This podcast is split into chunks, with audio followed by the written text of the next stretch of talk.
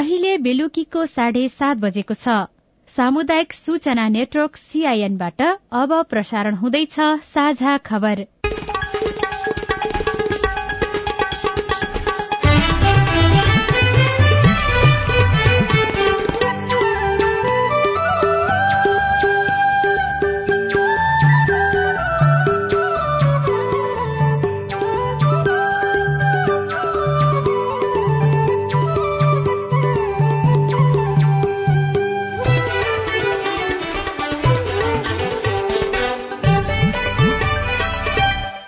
सीआईएनको साझा खबरबाट सोभिता रिसालको नमस्कार। साझा खबर देशभरिका सामुदायिक radio CIN Khabar dot com र मोबाइल एप सीआईएनमा पनि सुन्न सकिन्छ।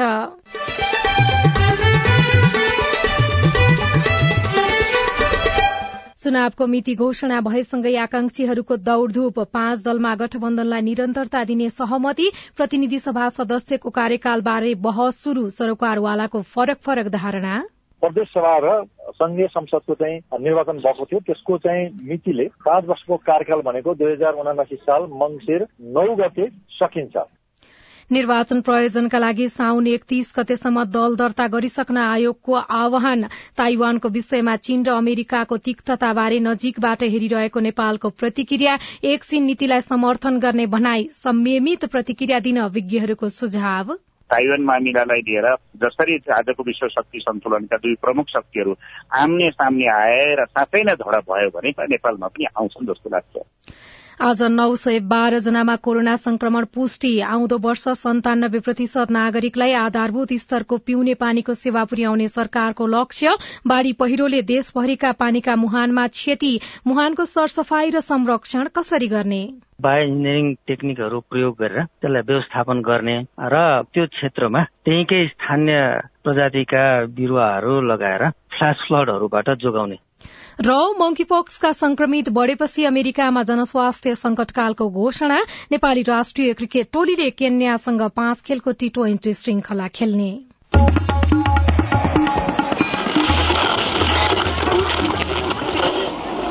रेडियो। हजारौं रेडियो कर्मी र करोड़ौं नेपालीको माझमा यो हो सामुदायिक सूचना नेटवर्क। सीआईएन कमजोर कूटनीतिक अभ्यासका कारण नेपाल विश्व समुदायमा बेला बखतमा आलोचित हुने गरेको छ। अहिले ताइवानको विषयलाई लिएर चीन र अमेरिका बीच देखिएको कटुताका बारेमा सरकारले मुख खोलेको छ। राजनैतिक दलहरूले पनि धारणा राखिरहेका छन्। देशको कूटनीतिमा दीर्घकालीन असर पर्ने यस्ता गम्भीर विषयमा अभिव्यक्ति दिनुअघि सर्वपक्षीय छलफल गरी परराष्ट्र नीति अनुरूप नै परिपक्वता प्रकट गर्नु आवश्यक छ। प्रतिनिधि सभा र प्रदेश सभाको निर्वाचन आगामी मंगिर चार गते गर्ने गरी मिति घोषणा भएसँगै संसदको कार्यकालको समयावधिको बारेमा बहस शुरू भएको छ। प्रतिनिधि सभा सदस्यको कार्यकाल कहिलेसम्म रहने भन्ने बारेमा सांसद कानूनविद तथा जानकारहरू समेत एकमत हुन सकिरहेका छैनन्। कतिपयले संविधानमा प्रतिनिधि सभाको कार्यकाल पाँच वर्ष हुने प्रष्ट उल्लेख गरिएको भन्दै निर्वाचन मिति घोषणा भए पनि सांसदले पाँच वर्ष कार्यकाल पूरा नहुन्जेल काम गर्न पाइरहने तर्क गरेका छन्। कतिपयले निर्वाचन निर्वाचनको मिति घोषणा भइसकेको अवस्थामा प्रतिनिधि सभा निष्क्रिय रहने भनिरहेका छन्। निर्वाचन आयोगले भने प्रतिनिधि सभाको कार्यकाल आगामी मंगिर एक्काइस गतेसम्म रहने यस अघि नै प्रश्न पारिसकेको छ। आयोगले अघिल्लो निर्वाचन अन्तर्गत दोस्रो चरणको निर्वाचन मितिलाई आधार बनाएर संसदको कार्यकाल गणना गरेको छ। संसदको कार्यकाल कहिलेदेखि शुरू भएको भन्ने बारेमा पनि एकमत देखिएको छैन। सांसदहरूले शपथ लिएको दिनलाई कार्यकाल शुरू भएको मान्ने वा दोस्रो चरणको निर्वाचन मितिलाई कार्यकाल शुरू भएको दिनका रूपमा गणना गर्ने भन्नेमा पनि एकमत देखिएको छैन। केही विज्ञले भने दुई हजार चौहत्तर साल मंगिर दश गते भएको पहिलो चरणको निर्वाचनलाई नै गणना मितिको रूपमा लिनुपर्ने बताएका छन्। सीआईएनसँग कुराकानी गर्दै संविधानविद डाक्टर चन्द्रकान्त गेवालीले भन्नुभयो प्रतिनिधि सभाको कार्यकाल नेपालको संविधानले विघटन भएमा बाहेक पाँच वर्षको हुनेछ भनेर स्पष्ट साथ संवैधानिक व्यवस्था गरेको छ। चौसठी साल मङ्सिर दस र एक्काइस गते प्रदेश सभा र संघीय संसदको चाहिँ निर्वाचन भएको थियो। त्यसको चाहिँ मितिले पाँच वर्षको कार्यकाल भनेको दुई हजार उनासी साल मङ्सिर नौ गते सकिन्छ।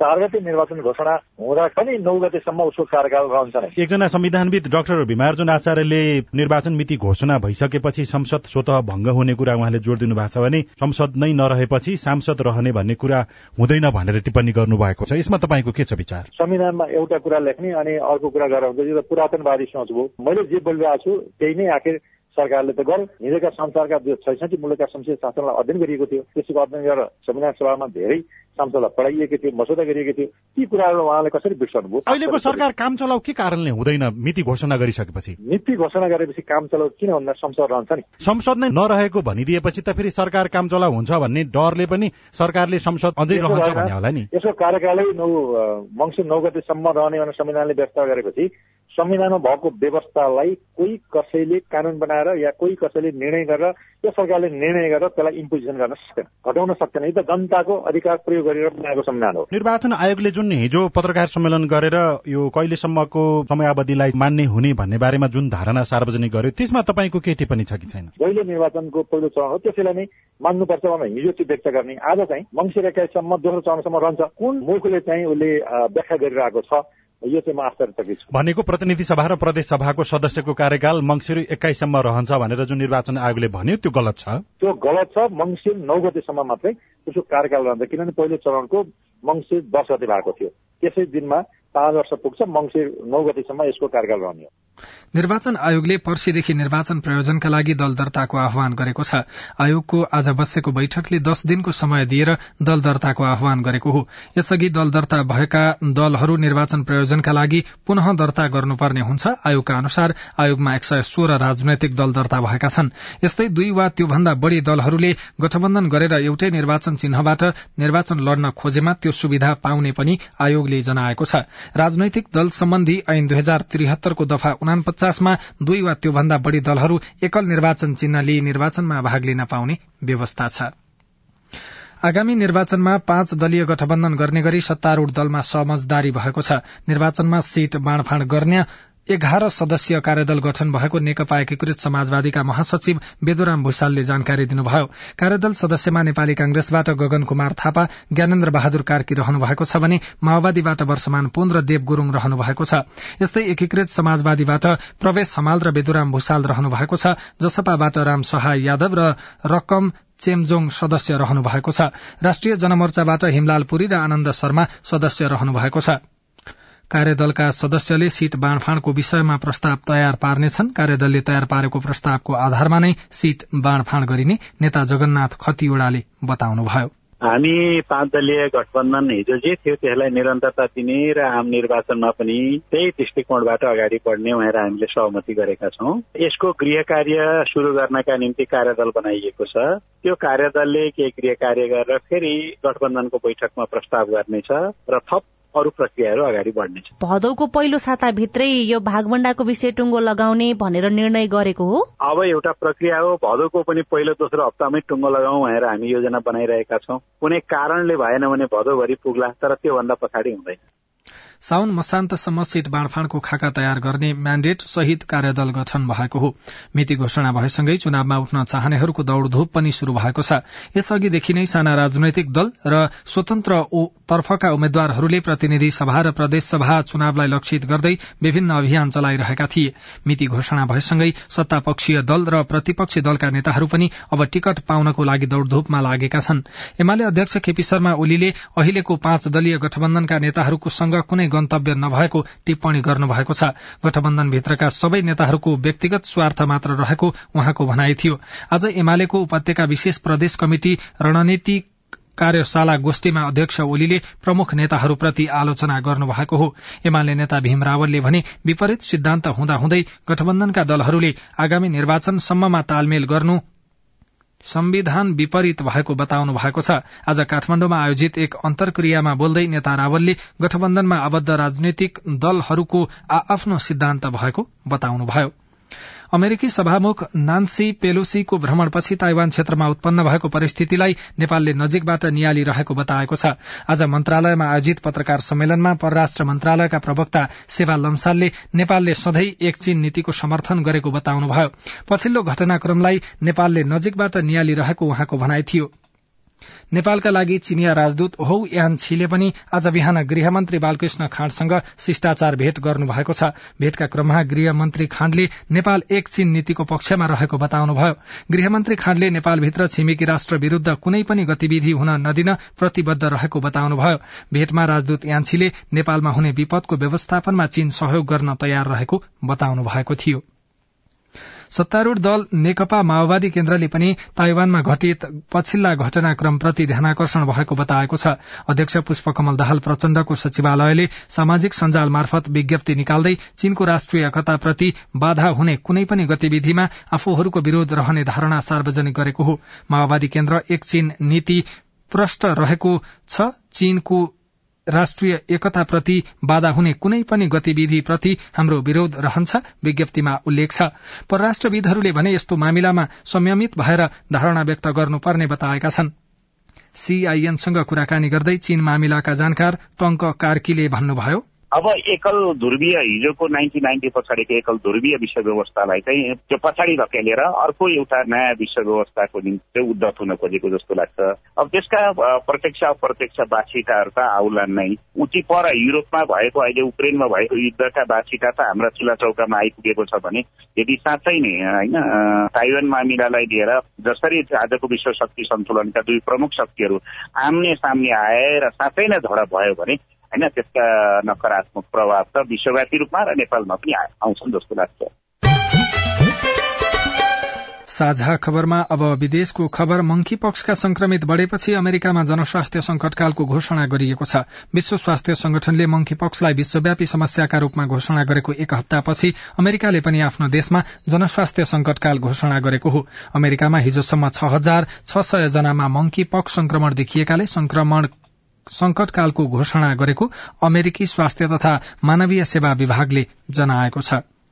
साझा खबरमा अब खेल खबर। नेपाली राष्ट्रिय क्रिकेट टीमले केन्यासँग पाँच खेलको टी ट्वेन्टी श्रृंखला खेल्ने भएको छ तर खेल कहिले खेल्ने मिति भने तय नभएको नेपाल क्रिकेट संघ क्यानले जनाएको छ। केन्याको क्रिकेट संघले नेपाललाई सिरिजको निमन्त्रणा दिएको थियो जस अन्तर्गत नेपाली टोली केन्या जान लागेको हो। केन्यामा नेपालले पाँच टी ट्वेन्टी अन्तर्राष्ट्रिय र तीन पचास ओभरको अभ्यास खेल खेल्ने पक्का भएको छ।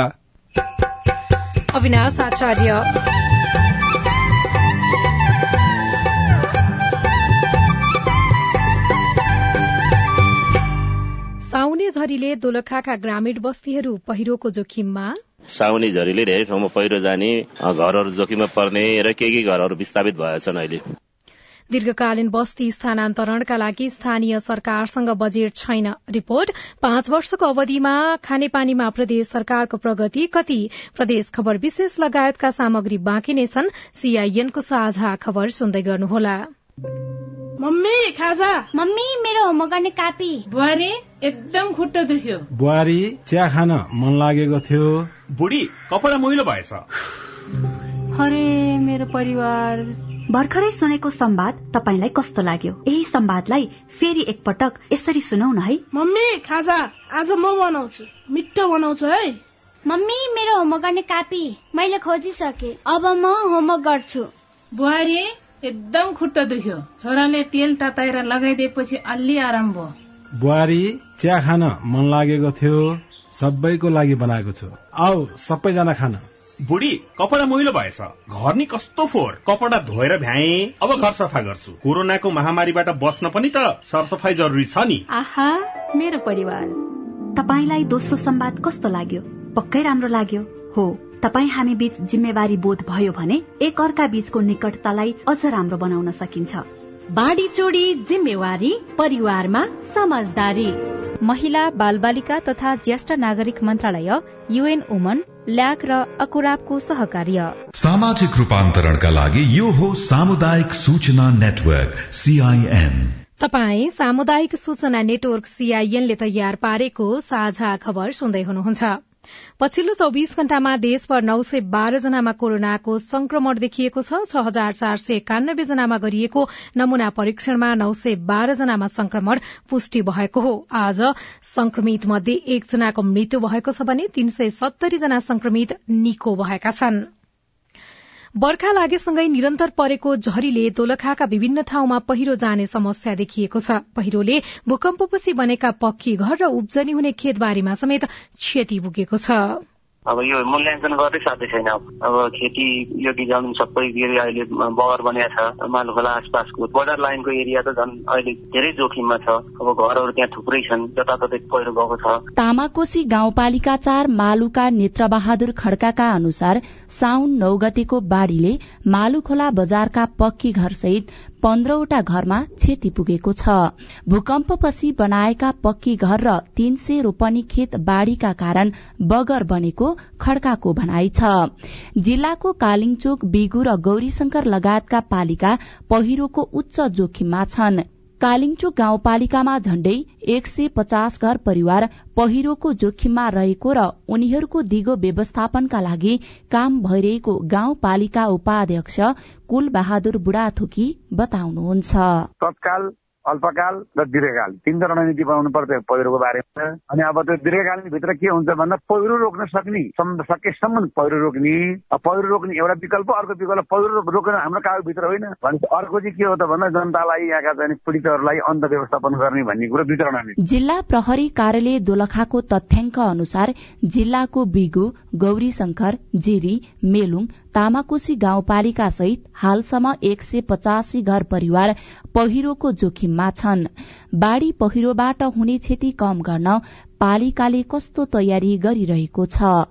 मेलुङ गाउँपालिकाका अध्यक्ष हिरा थोकर। पालिकाभरि नै जोखिम छ अहिले। साउनी झरीले धेरै ठाउँमा पहिरो जाने घरहरू जोखिममा पर्ने र केही केही घरहरू विस्थापित भएछन् अहिले। हामीले विस्थापितहरूलाई नजिकको सामुदायिक भवन वा विद्यालयमा लगेर राख्ने र कतिपयलाई आफन्त कहाँ सिफ्ट गर्ने कामहरू भइरहेछ। जोखिम एरियामा तत्कालै मेसनरी वालहरू सम्भव छैन। त्यसले गर्दाखेरि त्रिपालहरूको व्यवस्था गरेका छौँ। विपद व्यवस्थापन कोषमा पचास लाख पैसा छ। तत्कालै उद्धारको लागि पनि कोष बनाएको छौँ हामीले। त्यसो हुँदाखेरि पर्याप्त मात्रामा पैसा छ यो बर्खामा हामीले तत्कालै मेन पार पठाएर स्थायी प्रकृतिको संरचनाहरू बनाउन सक्दैनौँ। त्यसैले अहिले उद्धार र राहत नै पहिलो प्राथमिकता हो। पानीको बहाव बढ़ेको खण्डमा सिंगटी तथा तामाकोशी नदी किनारमा रहेका बस्तीहरू समेत जोखिममा पर्न सक्छन्।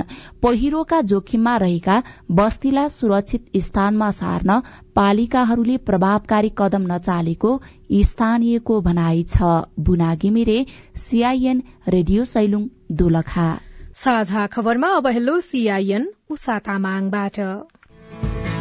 आजको हेलो सीआईएनमा पहिलो प्रश्न हामीले डोटीको जोरायल गाउँपालिका वडा नम्बर चार देउथलाबाट लिएका छौं। हाम्रो विद्यालयमा कक्षा छका छात्र छात्राहरूले कक्षा सातको सामाजिक अध्ययन र जनसङ्ख्या विषयको परीक्षा दिएका रहेछन्। कक्षा सातका विद्यार्थीले कक्षा छको सामाजिक विषयको परीक्षा दिएका रहेछन्। अनुगमन गरिदिनु होला नमस्कार म तेज बहादुर खत्री जुराली गाउँपालिका शिक्षा शाखा प्रमुख हो होइन? त्यस्तो प्रक्रिया छैन हेर्नुहोस्। एकदमै छँदै छैन म त्यो मानेमा ढुक्क छु। यदि त्यस्तो भएको रहेछ गरे भनेदेखि पनि तुरुन्तै त्यो विद्यालयको प्रदेखि त्यहाँको चाहिँ जिम्मेवार व्यक्तिहरूसँग म सम्पर्क र निशल्क अनुगमन निरीक्षण गरेर त्यो कुरामा के भएको रहेछ सत्य तथ्य बुझेर म अन द स्पोट कारवाही गर्छु। म कर्णाली प्रदेश सुर्खेतबाट शेरबहादुर राई मेरो भान्जा सशस्त्री प्रहरी जवान कुमार सारू मगर दुई हजार छ्यात्तर पाँच तेह्रमा भर्ना भई दुई हजार सतहत्तर छ दसमा कैलाली जिल्ला धनगढीको जुगेडा पोस्टमा ड्युटीको क्रममा अचानक मृत्यु भयो र मृतकको हकवाला आफ्नो बुबाको नाममा पेन्सन पत्ता पनि बनिसकेको छ। तर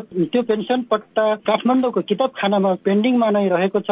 किताब खानामा सोधपुछ गर्दा गृह मन्त्रालयमा नयाँ भर्ना भएको राष्ट्र सेवकहरूलाई एकमुष्ट दिने कि पेन्सन दिने भन्ने बारे कुनै निर्णय भएको छैन भनी बुझिएको छ। त्यसैले यो निर्णय कहिलेसम्म हुन्छ होला? तपाईँको प्रश्न सुनेपछि अन्ठानब्बे पाँच एघार चार शून्य शून्य शून्य दुई नम्बरमा आफूलाई प्रत्यक्ष सम्पर्क गर्न अनुरोध गर्नुहुँदै गृह मन्त्रालयका सहसचिव टेक बहादुर केसी भन्नुहुन्छ। अहिले मैले जुन सुने यसले चाहिँ अब म पूर्ण रूपमा क्लियर हुन सकिनँ। यो विषयमा म गम्भीर छु। सम्बन्धित शाखामा गएर चाहिँ म बुझेर यहाँहरूलाई म जानकारी गराउन सक्छु। मेरो अन्ठानब्बे पाँच एघार चार तिनवटा शून्य दुई यो अफिसको नम्बर हो। यो नम्बरमा चाहिँ फोन गर्नु होला यो बारेमा मैले चाहिँ के भएको छ सम्बन्धित व्यक्तिहरूलाई जानकारी गराउनेछु। अनि हुम्लाबाट राजेन्द्र शाही सोध्नुहुन्छ। म हुँ सामाजिक सुरक्षा भत्ता पहिला चाहिँ म मासिक तिन हजारको दरले पाउँथे भने अहिले सरकारले सामाजिक सुरक्षा भत्ता बढायो भने मासिक चार हजारको दरले पाउनु पर्ने हो। कसैको सामाजिक सुरक्षा भत्ता साँच्चै बढ्या छ र कसैको के बढ्या छैन किन होला सर राजेन्द्रजी तपाईँको प्रश्न हामीले राष्ट्रिय परिचय पत्र तथा पंजीकरण विभाग सामाजिक सुरक्षा शाखाका निर्देशक सागरमणी पाठकलाई सुनाएका छौं। नेपाल सरकारले तोकेको दर अनुसार चाहिँ पूर्ण अपाङ्गता जुन क वर्गको रातो कार्ड पाउने चाहिँ तिन हजार नौ सय नब्बे पाउनु भने अति अशक्त अपाङ्गको चाहिँ ख जुन निलो कार्ड प्राप्त गर्ने व्यक्तिले चाहिँ एक्काइस सय अठाइस रुपियाँ चाहिँ मासिक रूपमा प्राप्त गर्नुहुन्छ। यस वर्ष चाहिँ सामाजिक सुरक्षा भत्ताको दरमा परिवर्तन भएको छैन। तपाई जुनसुकै बेला हाम्रो आइभीआर नम्बर शून्य एक बान्न साठी छ चार छमा फोन गरेर आफ्नो प्रश्न जिज्ञासा गुनासा तथा प्रतिक्रिया रेकर्ड गर्न सक्नुहुन्छ। तपाई सामुदायिक सूचना नेटवर्क सीआईएनले काठमाण्डुमा तयार पारेको साझा खबर सुन्दै हुनुहुन्छ। हरेक नागरिकलाई पिउने पानीको सुविधा पुर्याउन प्रदेश सरकारको भूमिका कस्तो रह्यो? लगभग नब्बे प्रतिशत चाहिँ हाम्रो आधारभूत खानेपानीको चाहिँ पहुँच भएको देखिन्छ अहिले। नाइन्टी सेभेन प्रतिशत खानेपानीको पहुँच भएको छ। प्रदेशहरूको आफ्नै दावी रिपोर्ट पानीको मुहान सफा राख्ने तरिका एकजना विज्ञसँगको कुराकानी बाँकी नै छ। सीआईएनको साझा खबर सुन्दै गर्नुहोला। बालबालिकालाई लगाउँदै गरेको खोपमा चाहिँ बालबालिकाहरू कहाँ गएर लगाउनु पर्ने र खोप लगाउन जाँदा के के लिएर जानु पर्ने त्यसबारे बताइदिनुहोस् न। मेरो जिज्ञासा के छ भनेपछि हामी विद्यार्थीहरू एकदमै जोखिममा छौँ तर पनि हामीहरूले समयमा खोप उपलब्ध हुन सकेको छैन। कोभिड बारे तपाईँको चासो अब हाम्रो पालोमा। कोभिडसँग जोडिएका थुप्रै बालबालिका तथा युवाहरूका प्रश्न र सरकारवालाको जवाब सहित हरेक आइतबार साँझको साझा खबरमा प्रस्तुत भइरहेको छ हाम्रो पालो। कोभिड पछि घरको बसाई बाल तथा युवा मस्तिष्कमा पर्ने प्रभाव यसले मनोविज्ञानमा पारेको असर कोभिडमा मानव सुरक्षा र कोभिड विरूद्धको खोप लगायत तपाईँलाई लागेको विषयमा हाम्रो आइभीआर नम्बर शून्य एक बान्न साठी छ चार छमा प्रश्न गुनासो तथा प्रतिक्रिया रेकर्ड गराउनुहोला। सरोकारवाला निकायको जवाब सहितको हाम्रो पालो देशभरिका सामुदायिक रेडियोमा प्रसारण भइरहेको छ। सामाजिक रूपान्तरणका लागि यो हो सामुदायिक सूचना नेटवर्क सीआईएन तपाई सामुदायिक सूचना नेटवर्क सीआईएनले काठमाण्डुमा तयार पारेको साझा खबर सुन्दै हुनुहुन्छ। सरकारले आउँदो आर्थिक वर्ष दुई हजार अस्सी एकासीमा कुल जनसंख्याको सन्तानब्बे प्रतिशत नागरिकलाई आधारभूत स्तरको पिउने पानीको सेवा पुर्याउने लक्ष्य लिएको छ। नेपाल पक्ष राष्ट्र रहेको दिगो विकास लक्ष्यले सन् दुई हजार तीससम्म सबैका लागि स्वच्छ खानेपानीको उपलब्धता प्रत्याभूत गर्ने भनेको छ तर प्रदेश सरकारका खानेपानीका योजनाले गति लिन सकेका छैनन्। ललितपुर लोहाचोकका निशा बयलकोटीलाई एक गाग्रो पानी लिन आधा घण्टा हिँडेर भैँसीपाटी पुग्नुपर्छ। पानी लिएर घरसम्म आइपुग्न उहाँले कम्तीमा डेढ घण्टा छुट्याउनु पर्छ एक गाग्री पानी लिनको लागि एक डेढ घण्टा समय छुट्याउनु परिरहेको छ। घरमै धारा भएको भए घरमै पानी आउने भएको भए झन अझ सजिलो हुन्थ्यो। संघीय राजधानी काठमाडौँबाट झण्डै दस किलोमिटरको दूरीमा रहेको यो क्षेत्रमा खानेपानी भनेको बेला र चाहिए जति पाइँदैन। प्रदेश सरकार आएको पाँच वर्ष बित्नै लाग्दा बागमती प्रदेशमा करिब चार प्रतिशत नागरिक अझै खानेपानीको अभावमा छन्। खानेपानी मन्त्रालय मातहतको खानेपानी विभागका प्रमुख विजय कुमार यादव। गएको आर्थिक वर्ष सम्पन्न हुँदाखेरि हाम्रो डिभिजन कार्यालयबाट प्राप्त तथ्याङ्क अनुसार चाहिँ पन्चानब्बे पोइन्ट पाँच तिन प्रतिशत चाहिँ आधारभूत स्तरको सेवाबाट लाभान्वित भएको रेकर्ड चाहिँ छ। आर्थिक वर्ष दुई हजार अस्सी एकासीमा कुल जनसंख्याको सन्तानब्बे प्रतिशत नागरिकमा आधारभूत स्तरको खानेपानी सेवा पुर्याउने संघ सरकारको लक्ष्य छ। त्यस अनुसार प्रदेश एकमा नब्बे प्रतिशत जनसंख्यालाई खानेपानीको पहुँचमा पुर्याइएको बताउँदै खानेपानी महाशाखा प्रमुख विकास काफले। लगभग नब्बे प्रतिशत चाहिँ हाम्रो आधारभूत खानेपानीको चाहिँ पहुँच भएको देखिन्छ अहिले। भने अब तपाईँको अठार प्रतिशत जनसङ्ख्यामा अथवा घरधुरीमा चाहिँ एउटा सुरक्षित खानेपानीको चाहिँ पहुँच भएको छ। मध्य प्रदेशमा स्रोतको पर्याप्तताका कारण सन्तानब्बे प्रतिशत नागरिकमा खानेपानी पुगेको छ तर शुद्धताको प्रश्न भने बेला बेलामा उठिरहन्छ। खानेपानी तथा ऊर्जा विकास मन्त्रालयका खानेपानी महाशाखा प्रमुख सुरेन्द्र प्रसाद शर्मा। कभरेजको हिसाबले नाइन्टी सेभेन प्रतिशत मान्छेले खानेपानी पहुँच भएको छ।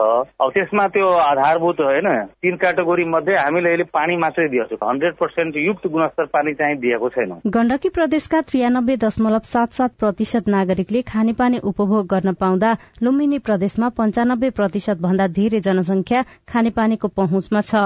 बाह्रवटै जिल्लामा अबको एक वर्षभित्र शत प्रतिशत आधारभूत खानेपानी उपलब्ध गराउने योजना कार्यान्वयनमा छ। कर्णाली प्रदेशमा भने सबैभन्दा कम अठासी दशमलव छ प्रतिशत जनसंख्यालाई मात्रै खानेपानी पुगेको छ। जलस्रोत तथा ऊर्जा विकास मन्त्रालयका सूचना अधिकारी इन्जिनियर प्रेम बहादुर ओली। धेरै छन् समस्याहरू तर प्रमुख रूपमा लिनु पर्दा जनशक्ति अभाव छ। त्यो अनुसारको खानेपानीलाई प्राथमिकता राखेर त्यही अनुसारको कार्यालयको सांगठनिक संरचनाहरू पनि बन्न सकेको छैन। खानेपानी सिँचाइ ऊर्जा तपाईँको विद्युतसम्मको काम खानेपानी कार्यालयबाटै सम्पादन हुनुले क्षेत्र ओजेलमा परेको छ क्या कर्णालीसँगै जोडिएको सुदूरपश्चिम प्रदेशमा खानेपानीको पहुँच केही सुधारात्मक छ। त्यहाँ सात प्रतिशत नागरिकमा खानेपानी पुर्याउनु पर्नेछ अरू प्रदेशमा खानेपानी मन्त्रालय गठन भए पनि सुदूरपश्चिममा भौतिक पूर्वाधार मन्त्रालयले नै खानेपानीको काम गरिरहेको छ।